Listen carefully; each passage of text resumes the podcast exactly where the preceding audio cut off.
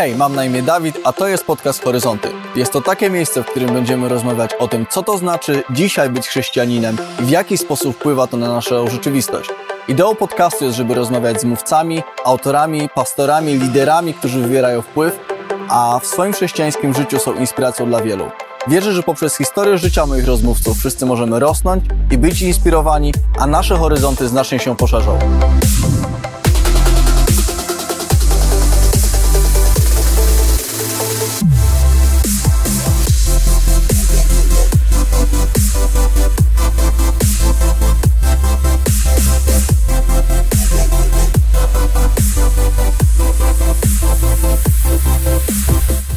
Dzisiaj kontynuuję rozmowę z Brianem Sandersem z Underground Network. Rozmawiamy o roli przywództwa w Kościele i o tym, co powinny je charakteryzować w świetle praw biblijnych. Zapraszam serdecznie na odcinek.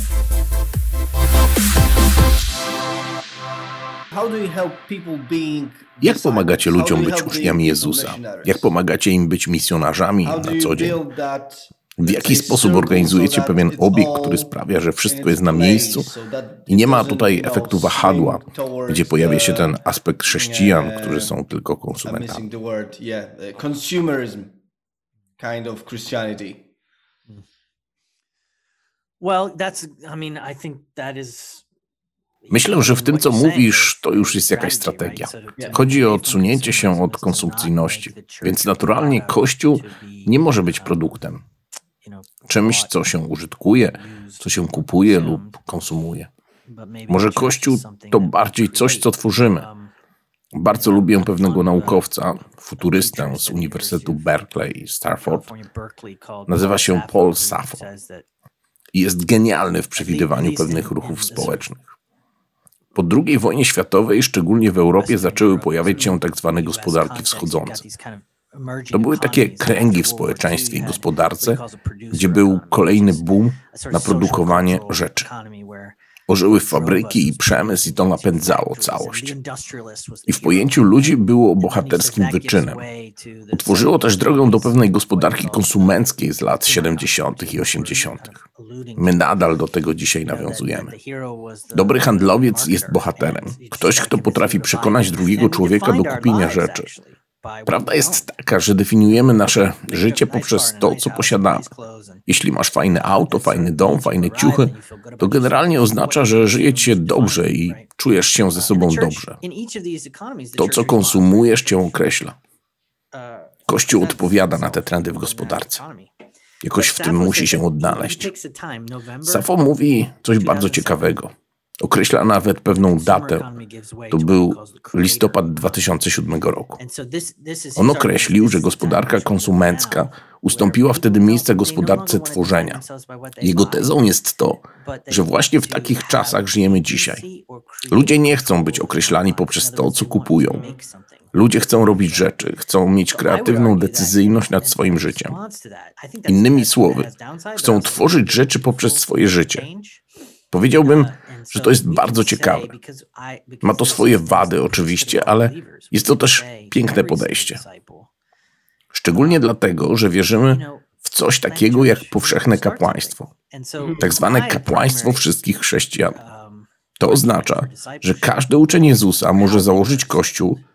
Moim głównym założeniem odnośnie uczniostwa i jak ludzie są prowadzeni w uczniostwie opiera się na darze apostolstwa czyli na tworzeniu i zakładaniu nowych przestrzeni. Powiedzmy, że jesteś pielęgniarzem, pielęgniarką. Wierzę, że Twoja praca w szpitalu nie jest przypadkowa. Jesteś powołany do tego miejsca. Pracujesz wśród osób z tego zawodu. Pracujesz wśród lekarzy i osób związanych z tym środowiskiem. Czy możesz założyć kościół pośród pielęgniarek? Czy masz serce dla swoich przyjaciół z pracy? Czy masz serce dla tego szpitala? Czy mogłaby zaistnieć tam mała wspólnota? W takiej formie spotkań, która miałaby na celu dotarcie do wszystkich osób związanych z tym szpitalem. Może zaczęłoby się to właśnie od grona pielęgniarek. To, co chcę przez to powiedzieć, to to, że jeśli ty i kilka osób z twojego środowiska stajecie w zamiar zrobieniu czegoś w miejscu, gdzie jesteście, w tym przykładzie jest to szpital i środowisko medyczne, to jest to dla was droga uczniostwa. To jest pewien inkubator. Inkubator dla uczniów Jezusa, którzy chcą robić jakiś ruch, którzy starają się zdobyć jakiś grunt i ściągnąć Królestwo Boże do miejsca, gdzie nie było go wcześniej. Tak robił Jezus ze swoimi uczniami. On ich posyłał i mówił im dokładnie to, dzieląc ich w pary i wysyłając do okolicznych miast. Oni sami do końca nie wiedzieli o co chodzi, ale dał im trzy rzeczy. Kazał im uzdrawiać chorych, bardzo ciekawe, wyganiać demony i ogłaszać nadejście Królestwa Bożego. Kocham to i uważam, że dalej to są trzy obszary, w których wyraża się misja. Obszar terapeutyczny, uzdrowienia, spotykania ludzi w ich niedoli i cierpieniu i pomaganiu im w tym cierpieniu. Obszar mocy, czyli coś, co ma związek z konfrontowaniem zła, jakkolwiek i gdziekolwiek się manifestuje. Stawianie wyzwaniu złu i walnięciu go między oczy, a następnie obszar ogłaszania Jezusa i Jego Królestwa. I bycie świadkiem tego. I to jest właśnie misja. I tak nawiasem mówiąc, to nie możesz wybrać sobie jednej z tych rzeczy. Trzeba się troszczyć o wszystkie trzy rzeczy. Jeśli chciałbyś to zrobić w miejscu swojej pracy, gdzieś, gdzie spędzasz czas, może na swoim osiedlu, cokolwiek robisz, gdziekolwiek żyjesz i pragniesz oglądać działanie Bożego Królestwa, nie bez powodu Jezus wysyłał uczniów parami. Oni są zmieceni tym, co widzieli. Są zaskoczeni i jednocześnie wzrastają przez to w doświadczeniu. On wrzuca ich na głęboką wodę, totalnie. Oczywiście uczniostwo to też o wiele więcej, ale jeśli spytasz mnie o moją osobistą filozofię uczniostwa, to jest mocno zakorzeniona w pierwiastku apostolskim i ma w sobie ten charakter rozpoczynania rzeczy. Jeśli Kościół to jedna duża organizacja. i żeby go założyć potrzebujesz dużo kasy i specjalistów i ludzi i energii, to niewiele osób będzie mogło się podjąć takiego działania. Ale jeśli możesz założyć Kościół na swoim osiedlu, to wtedy każdy może w tym kontekście założyć wspólnotę. Każdy może dojrzewać, robić to. Myślę, że w taki sposób dorastamy. Jesteśmy zdesperowani, bo nie wiemy ostatecznie, co robimy. To nas uczy modlitwy. Modlimy się, bo potrzebujemy Boga. Potrzebujemy Jego autentycznej obecności. Oglądamy małe cuda i sami jesteśmy zaskoczeni, tak jak uczniowie, którzy byli zaskoczeni, że demony są im poddane. Tej intymnej i osobistej relacji z Bogiem opartej na działaniu uczymy się cały czas. Nawet jeśli próbujemy i coś nie wychodzi, to wracamy do Jezusa i dalej się modlimy i nasza społeczność z Nim się pogłębia. Więzy z innymi ludźmi się pogłębiają, nasza modlitwa i uwielbienie również. Oczywiście misja rozprzestrzenia się w czasie i ostatecznie jest to miara uczniostwa. So, yeah. So, what, from what you're saying, I just Słuchając tego, co mówisz, to mam jedną myśl. Jest takie wyzwanie, żeby odwrócić pewien kurs i kierunek, aby stale zapraszać ludzi do czegoś, do miejsca, a prawdziwie ich wyposażać i wysyłać do działania. Tak zwane powszechne kapłaństwo wszystkich wierzących. Oczywiście, wszyscy się zgadzają z tym na poziomie słów.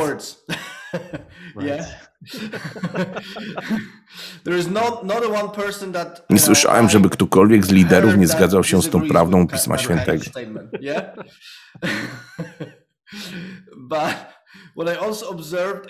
Jednak obserwuje się to często, że działania i praktyka nie podążają za tym przekonaniem. How then jak powinno zmieniać się przywództwo w naszych kościołach? Chciałbym otworzyć większą szufladkę pięciorakiej służby.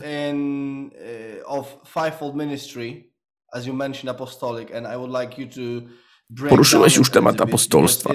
Chciałbym, abyś trochę to rozszerzył, bo uważam, że jest to jeden z najbardziej zaniedbanych obszarów nauczania w Polsce.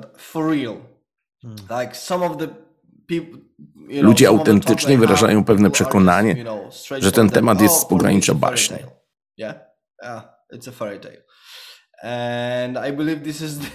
Wierzę, że jednak to coś, czego potrzebujemy bardzo mocno dzisiaj. Jak powinniśmy kształtować rzeczy, aby uwalniać ludzi i zmieniać ten sposób myślenia?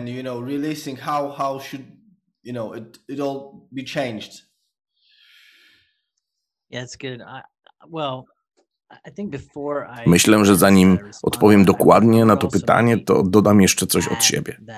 um, Jest jeszcze jedna zmiana, która musi zajść, zanim zmienimy nasze rozumienie przywództwa i liderstwa w tym czasie. Po pierwsze, musimy wrócić do pierwotnego zrozumienia tego, że przywództwo to jest służba dla drugiego człowieka. Biblijne przywództwo to nie jest przywództwo hierarchiczne. To nie jest przywództwo celebryckie. Jeśli mówimy o chrześcijańskim przywództwie, to ono nigdy nie powinno oznaczać wyższości nad innymi ludźmi. Myślę, że za długo pozwoliliśmy na to, aby szło to w tym kierunku. To jest dość skandaliczne, że nie zwracamy na to uwagi. Sam Jezus mówił, że poganie opierają swoje przywództwo na pewnych mechanizmach. Oni rządzą ludźmi, rządzą innymi poprzez hierarchię, poprzez osiągnięcie autorytetu w oparciu o pozycję. Jezus mówi, że nie tak ma być między wami. To jest bezpośrednie przykazanie. Nie możecie tego robić. Jezus mówi: Moi ludzie nie będą przewodzić w ten sposób. Robimy to od bardzo dawna i nikt nie ma z tym problemu. Nikt nie mówi, to jest przegięcie. Więc zanim nawet zaczniemy temat pięciorakiej służby, to powinniśmy zrozumieć, na czym polega postawa i duch przewodzenia, żeby służyć innym. Chyba w czwartym rozdziale listu do Koryntian Paweł pisze takie słowa. To, co głosimy, to nie my sami, ale Jezus Chrystus, nasz Pan. To jest duża zmiana paradygmatu. Nie mówimy o sobie, ale mówimy o Jezusie. Dalej Paweł kontynuuje, a siebie samych uznajemy jako sługi dla sprawy Jezusa. Nie chodzi o to, że przywództwo nie istnieje i mamy o nim nie mówić. Tutaj dokładnie mówi się o przywództwie. Po prostu liderzy mają konkretną funkcję i jest to służenie Bożym ludziom ze względu na sprawę Jezusa. To działanie ma sprawiać, że Jezus będzie Panem w ich życiu. Nie chodzi o promowanie człowieka, ani mnie, ani ciebie. To nie my powinniśmy być tymi, którzy prowadzą i panują nad życiem ludzi. To Jezus. Myślę, że to ogromna zmiana. Jeśli mamy to nastawienie i taką postawę, to patrzymy na dary, jakie są rozdysponowane w Kościele i zaczynamy widzieć, jak to żyje i wzrasta i rozkwita w naszych wspólnotach. Are free to be servants to the community and servants for Christ's sake. And- Apostoł i prorok, i ewangelista, i pasterz, i nauczyciel. Kiedy ci wszyscy ludzie mają wolność do tego, aby służyć w społeczności na chwałę Jezusa, to pod Jego panowaniem zaczynają dziać się rzeczy niesamowite. W tym momencie pojawia się kwestia przywództwa jako zespołu zamiast przywództwa skonsolidowanego, tak jak na przykład taki Mojżesz. On jest świetnym przykładem. I jest też przykładem pewnego problemu. Wszyscy ludzie przychodzili do niego dlatego, że on był na górze hierarchii. On był jedynym człowiekiem, który mógł wejść na górę, żeby pogadać z Bogiem w imieniu ludzi. Cokolwiek chciałeś uzyskać, musiałeś przejść przez niego. Taki trochę papież dla społeczności Izraela. Jezus celowo rozwala ten system, ponieważ on jest głową. On jednak nie jest z nami fizycznie na ziemi, ale dał dary swojemu kościołowi, dał te pięć rodzajów obdarowań, pięć osób. Ten zespół to nigdy nie jest jedna osoba, nigdy nie powinna być jedna osoba. Nigdy jedna osoba nie powinna prowadzić show w taki sposób, że reszta po prostu na nie odpowiada. W mojej opinii to musi być oparte na zasadzie służenia drugiemu człowiekowi, ale także na zasadzie przywództwa zespołowego. Wszystko poparte pewną równowagą i biorące pod uwagę wszystkie obdarowania. Apostołowie są pochłonięci ekspansją, prorocy słuchaniem głosu Boga, ewangeliści głównie zgubionym człowiekiem i tego, jak można do niego dotrzeć. Pasterz troszczy się o stado, o ich serce, a nauczyciel na porządkowaniu tego, jak robimy rzeczy i jak myślimy. Którego z tych obdarowań nie potrzebujemy? Bez którego jesteśmy w stanie sobie poradzić? Kocham książkę Trwała rewolucja Alana Hirscha i Tima Ketchama, ponieważ oni bardzo dużo miejsca poświęcają w niej opisaniu tego, jak wygląda Kościół, gdy brakuje któregoś z tych obdarowań. Jeśli wszystko oparłbyś na konkretnie dwóch, a wyrzuciłbyś trzy, to będzie to miało skutek w pewnej deformacji Kościoła. To będzie swego rodzaju niepełnosprawność, nawet jeśli odrzucisz niektóre z tych darów. To jest fascynujący temat, ale też smutny. Dlatego, że chcemy, aby wszystkie te dary były włączone w tworzenie. Nie tylko ze względu na wyposażenie ludzi, ale dlatego też, żeby Jezus mógł być obecny w pełni w każdy możliwy sposób. So would you Czy mógłbyś trochę bardziej rozwinąć temat przywództwa zespołowego? un- To jest bardzo niecodzienne pojęcie. Przywództwo oparte na partnerstwie, uh, braterstwie. Podejście na zasadzie zespołu, w którym ktoś jest pierwszym wśród równych.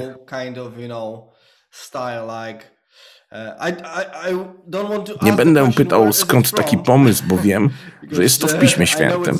To zawsze tam było po prostu. Po prostu jakoś od dawna uh, przeoczamy tę prawdę. Jak to może działać w praktyce? Yeah. Well, you know, I mean, Scottish. Wszystko znowu opiera się na tym, Jak rozumiemy historię? Był taki szkocki filozof, który bodajże jako pierwszy zbuntował się i nazwał teorię tak zwanego wielkiego człowieka. jednostki. Potem bardziej przekształciła się ona w mit wielkiej jednostki. O co w tym chodzi? No więc chodzi o to, że historia jest kształtowana poprzez czyny i decyzję silnych jednostek. Taką budujemy narrację dla wydarzeń historycznych. Kiedy opowiadamy historię, to bardzo mocno akcentujemy, jaką rolę mieli pojedynczy ludzie. Więc mamy taki trochę zafałszowany obraz historii i dynamiki pewnych zmian. W Stanach uwielbiamy taką narrację. Jesteśmy zachłyśnięci biografiami wspaniałych ludzi. Kobiety i mężczyźni, wspaniałe jednostki. Ludzie tacy jak Steven Jobs czy Bill Gates i ich historie. Ale to jednak jest zakłamany obraz rzeczywistości. To wszystko jest naciągane. Nie byłoby Steve'a Jobsa bez Steve'a Woźniaka. Jobs miał partnera od samego początku. Dosłownie nie zrobiłby nic bez swojego współpracownika. Nie ma Billa Gatesa bez Paula Alana. To, co widzimy, to nie jest do końca prawda. Nawet odkładając na bok fakt, że ci ludzie są otoczeni całymi zespołami, to ci ludzie robią te znaczące rzeczy. Nie piszemy jednak o nich książek. Nie czytamy książek o partnerstwie dwóch ludzi. Wolimy historię jednego bohatera. Powiem ci, jaki jest tego najlepszy przykład Dawid. Najbardziej dochodowa i przynosząca zyski organizacja, jaką prawdopodobnie zobaczymy za naszego życia, to Google.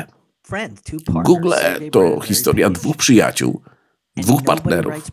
Nikt nie pisze o nich biografii. Nie wiemy, co z tym zrobić.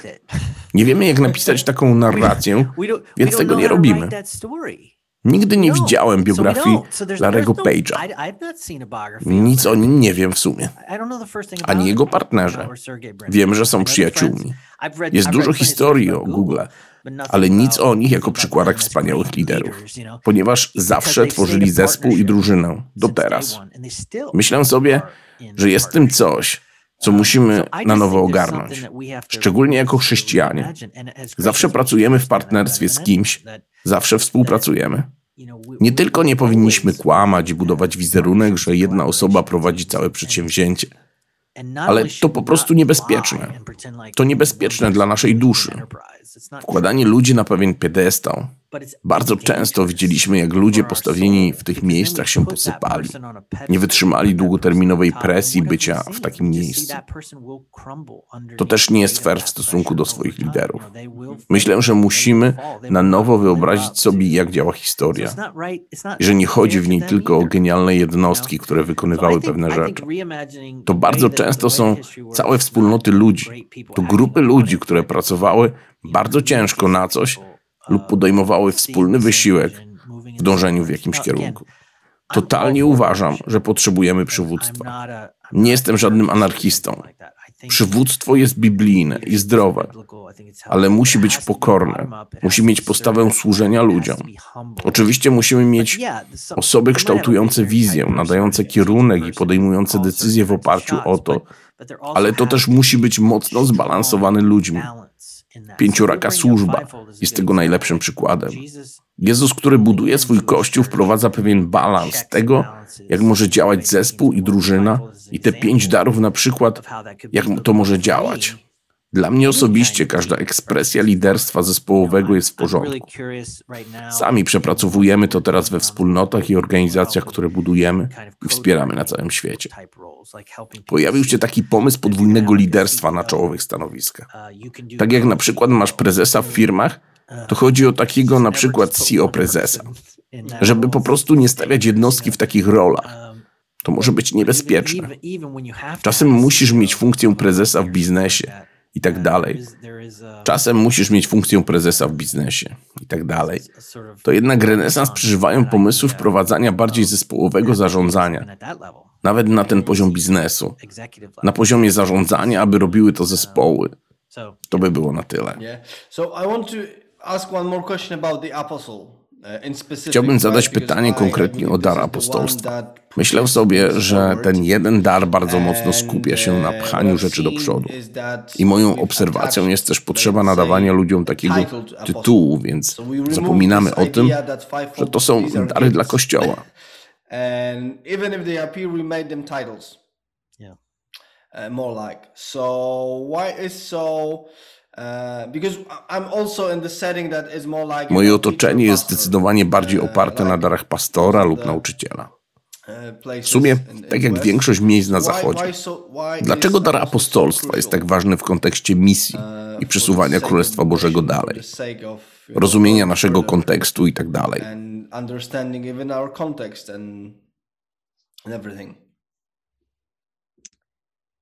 Yeah, I don't know. It's a good. It's a good question. Um, you know, it is. There is a To jest bardzo ciekawe pytanie. Jest pewnego rodzaju pierwszeństwo, jeśli chodzi o ten dar. Jest wymieniony jako pierwszy na liście. To na pewno coś znaczy. Jest to ciekawe na poziomie fundamentów. Patrzysz na proroka i wiesz, że prorokuje. Ewangelista zajmuje się głoszeniem. Nauczyciel naucza, a pasterz opiekuje się ludźmi. Co więc robi apostoł? To jest taka grecka interpretacja idei bycia posłanym, posłania, misjo. To łacińska wersja posłania.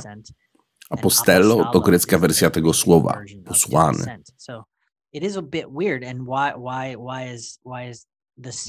To trochę dziwne. Dlaczego osoba posłana jest na liście darów, które wydają się bardzo określone? I co to oznacza? Zastanawiam się, czy chodzi tutaj o temat zarządzania zespołem. Każdy zespół jest jakoś zarządzany, ale tym, co kieruje i napędza każdy zespół, to powinna być misja. To musi być misyjna tożsamość tego, co robimy. Potrzebujesz proroctwa, potrzebujesz ewangelizować i opiekować się ludźmi, a także nauczać. Ale po co? Ano ze względu na tak zwane dei, ze względu na poszerzenie Bożego Królestwa. Chodzi o zaprowadzenie rządów Jezusa na ziemi.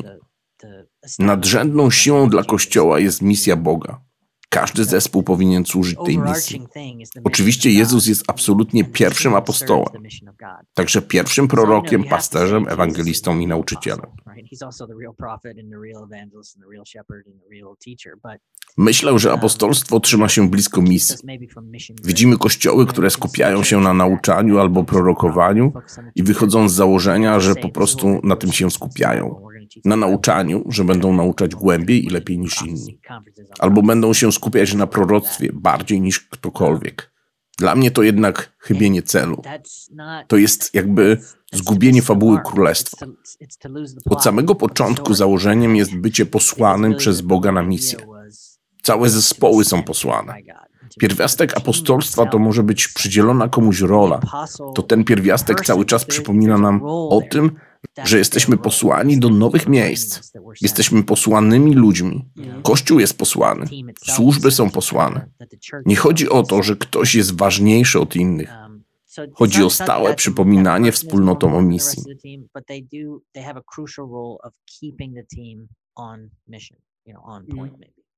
Yeah, and one of the last question, maybe the last question for for this talk is like.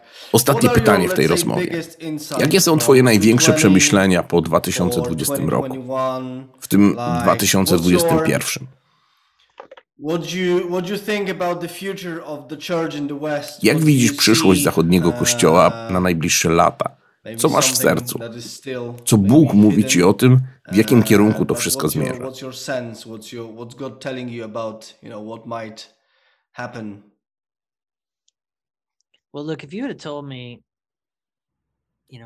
Gdybyś powiedział mi to jakiś czas temu, może rok, może trzy, może cztery lata temu, że w world 2020 roku każdy kościół na świecie będzie musiał zadać sobie kluczowe pytania odnośnie tego, jak ma funkcjonować i czy powinien być duży czy mały, to pomyślałbym, że to niemożliwe.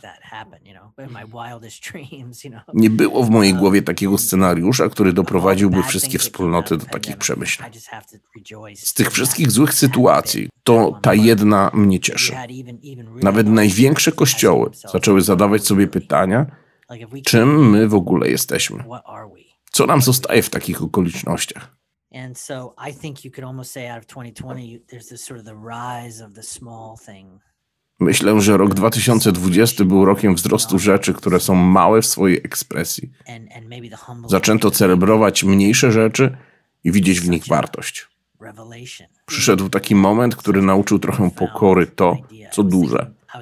Tak naprawdę to jest bardzo ważne objawienie i lekcja.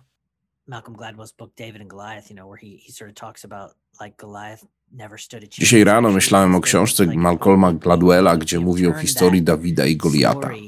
On zwraca uwagę na to, że Goliat nigdy nie miał szansy w tym pojedynku. My odwróciliśmy tę historię tym, że Dawid stał na przegranej pozycji i nie miał szansy z Goliadem. Ja myślę, że było na odwrót.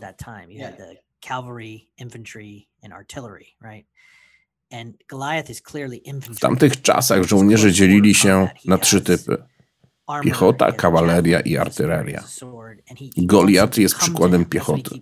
Żołnierza, który najlepiej walczy w zwarciu, ma zbroję, ma oszczep, ma miecz I chce, aby Dawid do niego podszedł. To, co się dzieje, to pojedynek. Dwie armie wysyłają po najlepszych żołnierzy piechoty. I to się rozgrywa pomiędzy nimi. Goliat jest duży i straszny i cała piechota Izraela oczywiście boi się takiego przeciwnika. Nikt nie chce walczyć wręcz. Dawid jednak proponuje, że stanie do walki jako artyleria. A to na przykład łucznik albo procarz. Procarze mieli taką umiejętność napędzania procy, że nabrała ona sześć obrotów na sekundę. Wystrzelony z procy kamień pokonywał 35 metrów na sekundę. Kamień wystrzelony z procy dobrego procarza miał siłę rewolweru o kalibrze 45 mm. I think in like thinking of handguns, they, they, they measure um, the power of a gun on what's called stopping power. Teraz wyobraźmy sobie to na nowo. Saul próbuje 45 Dawidowi dać swoją zbroję. You imagine, Ten nie chce, dlatego że "Oh," musi się dobrze Saul's like, "You're poruszać. Procarze strzelają do that?" celów oddalonych o prawie "Hey, 200 go metrów. around." And a Mówimy tutaj o doskonałej precyzji, ludziach, którzy trafiali at 200 ptaki w locie i tak dalej. Wiemy, że Dawid był wyszkolonym procarzem i nie miał w ogóle zamiaru do niego podchodzić. Myślę, że to jest to, co się wydarzyło i będzie się jeszcze działo przez 2020 rok.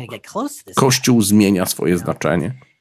Pojawiają się nowe ekspresje kościoła, mikrokościoły, kościoły spotykające się w domach, w parkach, gdziekolwiek. Pytanie brzmi, czy one są słabsze? Czy Goliat jest naprawdę silniejszy?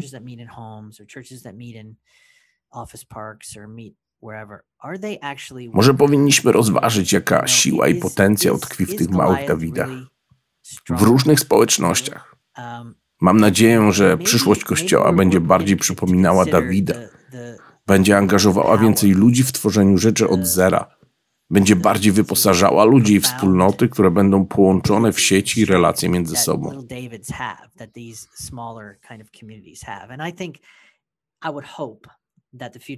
Dalej będzie miejsce dla pewnego scentralizowanego przywództwa całego ruchu, ale ta rola się zmieni i będzie się dostosowywać do tego, aby wyposażać te małe węzły.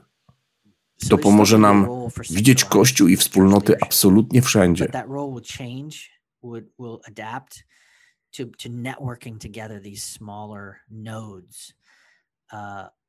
nie będzie jedno miejsce pod pewnym adresem w określonym budynku.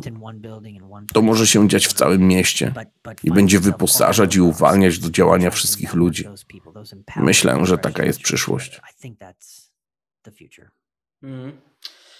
Thank you, Brian. Thank you for your wisdom, for your input. Brian, dziękuję za Twoją mądrość i wykład i myślę, że dokładnie takiego przesłania potrzebujemy w naszym kontekście.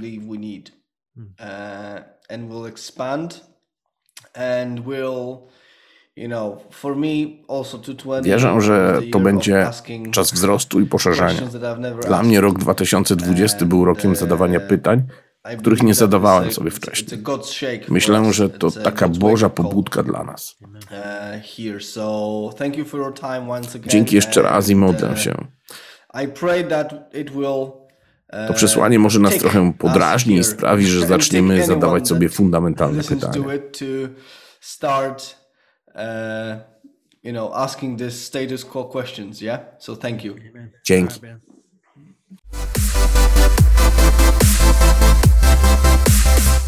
Dzięki za wysłuchanie tego odcinka. Koniecznie zajrzyjcie na Instagram, gdzie wrzucam na bieżąco podsumowania odcinków, krótkie inspiracje i będę mówił o tym, co dalej.